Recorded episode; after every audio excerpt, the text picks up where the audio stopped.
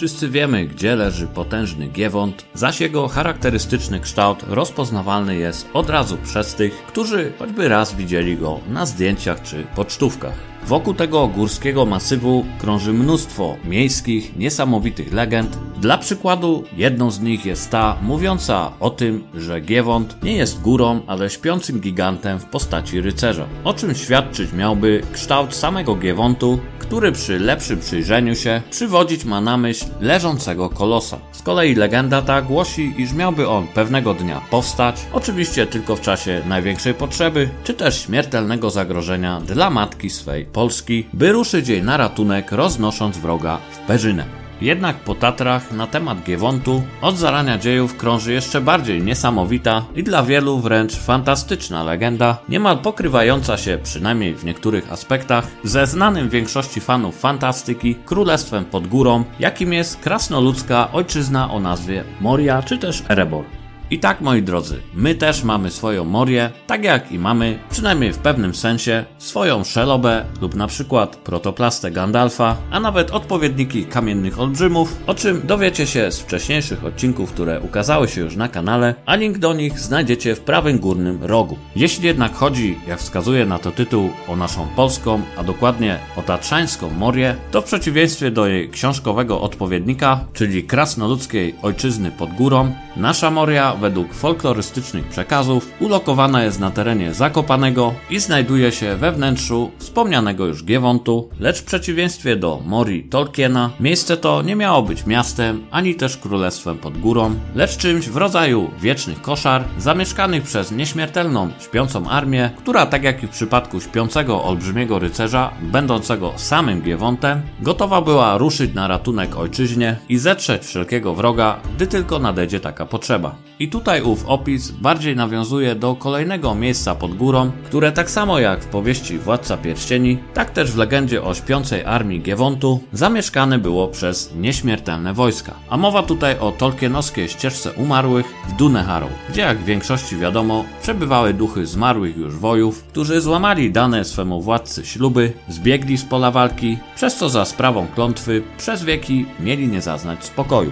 Zaś co do naszych nieśmiertelnych wojów, to oczywiście znikąd nie zbiegli. Wręcz przeciwnie, według opisów mają oni być najznamienitszymi obrońcami Rzeczpospolitej, wybrańcami ojczyzny, zaklętymi w górze, by czyhać tam na dogodny moment do ataku na ostatecznego i najgroźniejszego wroga ukochanej im Polski. Zatem powiedzmy, że miejsce, o którym mowa, znajdujące się wewnątrz Giewontu, jest połączeniem krasnoludzkiej Mori z fortecą nieumarłych w Duneharrow. A teraz, gdy już kwestii wprowadzenia stała się zadość, czas na samą legendę. jako, że na początku wspomniałem o gigantycznym śpiącym rycerzu, to może najpierw opowiem o nim. Oto legenda śpiącego rycerza Giewonta. Czasach, gdy wielkie wody oblewały jeszcze ziemię późniejszej Polski, zaś w głębinach żyły przeróżne stworzenia, których dziś już nie ma, w czasach tych pradawnych był tam i smok. Był on samotnikiem wielkim, jednak gdy pewnego dnia ujrzał Magurę, natychmiast związał z nią swój los. Z tej miłości zrodziło im się sześciu synów: Hawrań, Murań, Garłuch, Krywań, Wołoszyn oraz Giewont. Prócz nich mieli tyleż samo córek, wśród nich świnica, niebieska, skrajna, pośrednia, zadnia oraz osobita. A każde z owych dzieci zajmowało się tym, co umiało robić najlepiej, tym, w czym była ich dziedzina, od śpiewu przez rybołówstwo, budownictwo, kowalstwo, czy choćby pasterstwo, Najsilniejszy i najdzielniejszy z braci postanowił zostać rycerzem, aby tym samym czuwać nad dobrem swej rodziny, co też ogłosił. Ja będę rycerzem, by moi bracia i siostry, by oni to w spokoju żyli, ja ich będę bronił. I stało się też tak, że siostra jego osobita nieszczęśliwie spodobała się pewnemu królowi, niejakiemu Mrozowi, który koniecznie chciał pojąć ją za żonę. Giewont, bacznie stojąc na straży swej rodziny, sprzeciwił się temu i za nic nie pozwolił władcy jej pojmać, co wywołało srogi gniew u samego Mroza. Król miał jednak kochanicę imieniem Zima, lubującą go nad życie, co ten postanowił sprytnie wykorzystać swej zemście na Giewoncie. Szybko przekonał ją, by pomogła mu ziścić jego chytry plan. Okrutna intryga polegała zaś na tym, aby Zima omamiła Giewonta swym pięknem, bo w istocie wielce piękna ona była. Zatem, gdy pierwszy raz na oczy mu się ukazała, oczarowała go bez reszty, robiąc na nim ogromne wrażenie. Giewont kompletnie zatracił się w zimie, co natychmiast wykorzystał czyhający na to król Mróz. Jako, że Giewont w końcu całkowicie dał ogarnąć się wdziękom zimy, niecierpliwy mróz natychmiast zrobił to, co od dawna miał zamiarze i zmroził na kamień grunt pod nogami Giewonta. Ten przywarł doń, za chwilę też stracił równowagę i runął na ziemię, powalony przez wiatr halny, będący wiernym posłańcem samego mroza. Już gdy mróz miał zadać mu ostateczny cios, okazało się, że Giewont zamarzł na kamień, zapadawszy w wieczny sen. I tak śpi ów rycerz po dziś dzień, spoglądając czasem jednym okiem na ojczyznę i zerwie się ze snu tak twardego, dopiero wtedy, gdy spadnie na nią wielka groźba. Oto druga tytułowa legenda, legenda o rycerzach śpiących pod Giewontem. Tatrach, w niekończących się podziemnych korytarzach Giewontu, zaklęte w sen wojsko Czycha, tak od wieków się mówi nie tylko na Podhalu, ale i w Orawie, czy nawet i na Spiszu. Również na Słowacji ludzie powiadają, że w Giewoncie śpi zaklęty husarski batalion, a ten co go królem zowią, czyha nad tą armią. Patrzy na świat i na naród, obserwując jak się mają, a jak już się tak napatrzy, ginie w korytarzach skały, gdzie swym wojskom zdaje raport, co tam słychać w Zakopanym. Czasem uda i wędrowca po podhalu się posnuje, porozmawia z góralami o tym, co się w Polsce dzieje. Raz tak zrobił i usłyszał, co mu się nie spodobało, że na świecie mnóstwo zła jest, ludzkiej krzywdy, niewdzięczności, Przyrzekł król, że jak się stanie, zło na naród to nastanie, armia jego wnet powstanie, ruszy dziko w ich obronie. Po ojczyźnie światu pomóc, całe zło przepędzić, skonać, by i im ojczyznę oddać, złych ukażą, sprawiedliwość. Są też tacy, co gadają, że to będzie koniec świata, ale góral przekonany nigdy nie da im w to wiary. Gdzieś na łące u Podhala stąpał pewien juchas, co był właśnie tego zdania, takie nosił przekonania. Na polanie miał swój szałas, tam też swój dobrobyt, były to zaś owiec stada, od pieniędzy sercu bliższe.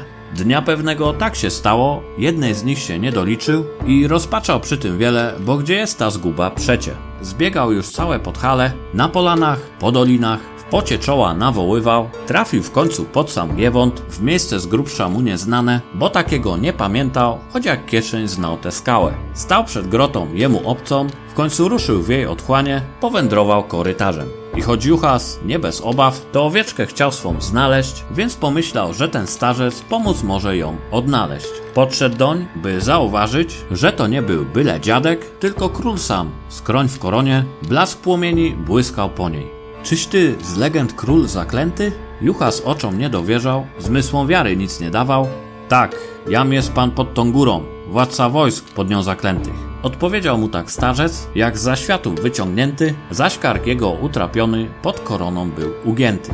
I nie martw się o swą zgubę, chodź no ze mną, o Juchasie, wojska moje ci pokażę. Więc za królem w głąb postąpił, wielkim ciemnym korytarzem. Długo szli tak, wiele jaskiń, odnóg licznych nieskończenie, aż dotarli do największej, groty wielkiej, jak w kościele. Tam jak okiem sięgnąć wojska, rzędy rycerzy uśpionych, gotowych do boju powstać na ich władcy zawołanie.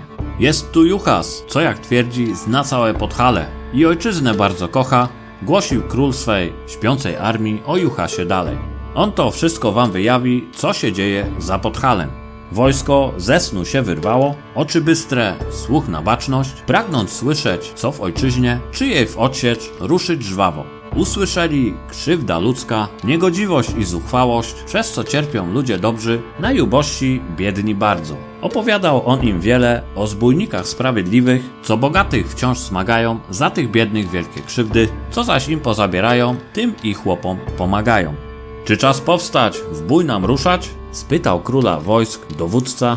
Jeszcze nie, prędka husario, odrzekł król i głośno klasnął. Ci na powrót w sen zapadli, oczy ich zawarły w wieki, tak jak wcześniej rzędy stając, zbroja w kamień, ramię w ramię. Czas już nacie, o Juchasie, w sercu wielce sprawiedliwy, głosił pan wojsk snu wieczności, stary człowiek o koronie.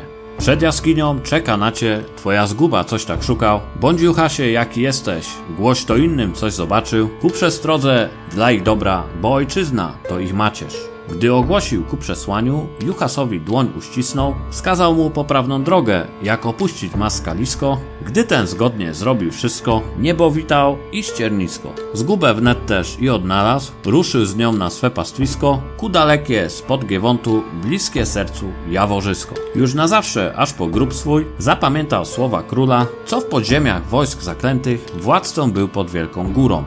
To już koniec legendy o naszej polskiej Mori oraz śpiących w jej wnętrzu rycerzach. Liczę, że materiał ten Wam się spodoba, a jeśli tak, to oczywiście napiszcie o tym w komentarzu, zostawcie polubienie. Jeśli tego jeszcze nie zrobiliście, koniecznie zostawcie subskrypcję. A teraz komunikat specjalny w sprawie spadku regularności publikacji filmów oraz co nieco opisanej przeze mnie książce. I jak już pisałem na społeczności, uniemożliwiające mi nagrania filmów spółdzielcze remonty ustały, ale niestety problem z plecami, dokładnie z dyskami znów się odezwał, co prócz bólu pleców powoduje również strasznie migreny, więc od jakiegoś czasu nie jestem w stanie robić odcinków wtedy kiedy chcę, tylko wtedy gdy pozwala mi na to owa przypadłość. A jeśli chodzi o opisaną przeze mnie książkę, która będzie w stylu dość mocnego fantazy, gdzie świat, ale też i sama fabuła rozrosły się już do rozmiarów tak wielkich, że aby nad tym wszystkim zapanować, do pisania i kontrolowania wszystkiego, potrzebuję mieć przed oczami linię czasu sięgającą nawet wielu tysięcy lat. Oczywiście książkę tą piszę w czasie, gdy właśnie mogę pisać. Zasadniczo zajmuje mi ona cały czas i stała się priorytetem większym niż filmy na YouTube. Mówię Wam to, bo uważam, że owe wyjaśnienia jak najbardziej Wam się należą. Dziękuję Wam, że jesteście i oczywiście tradycyjnie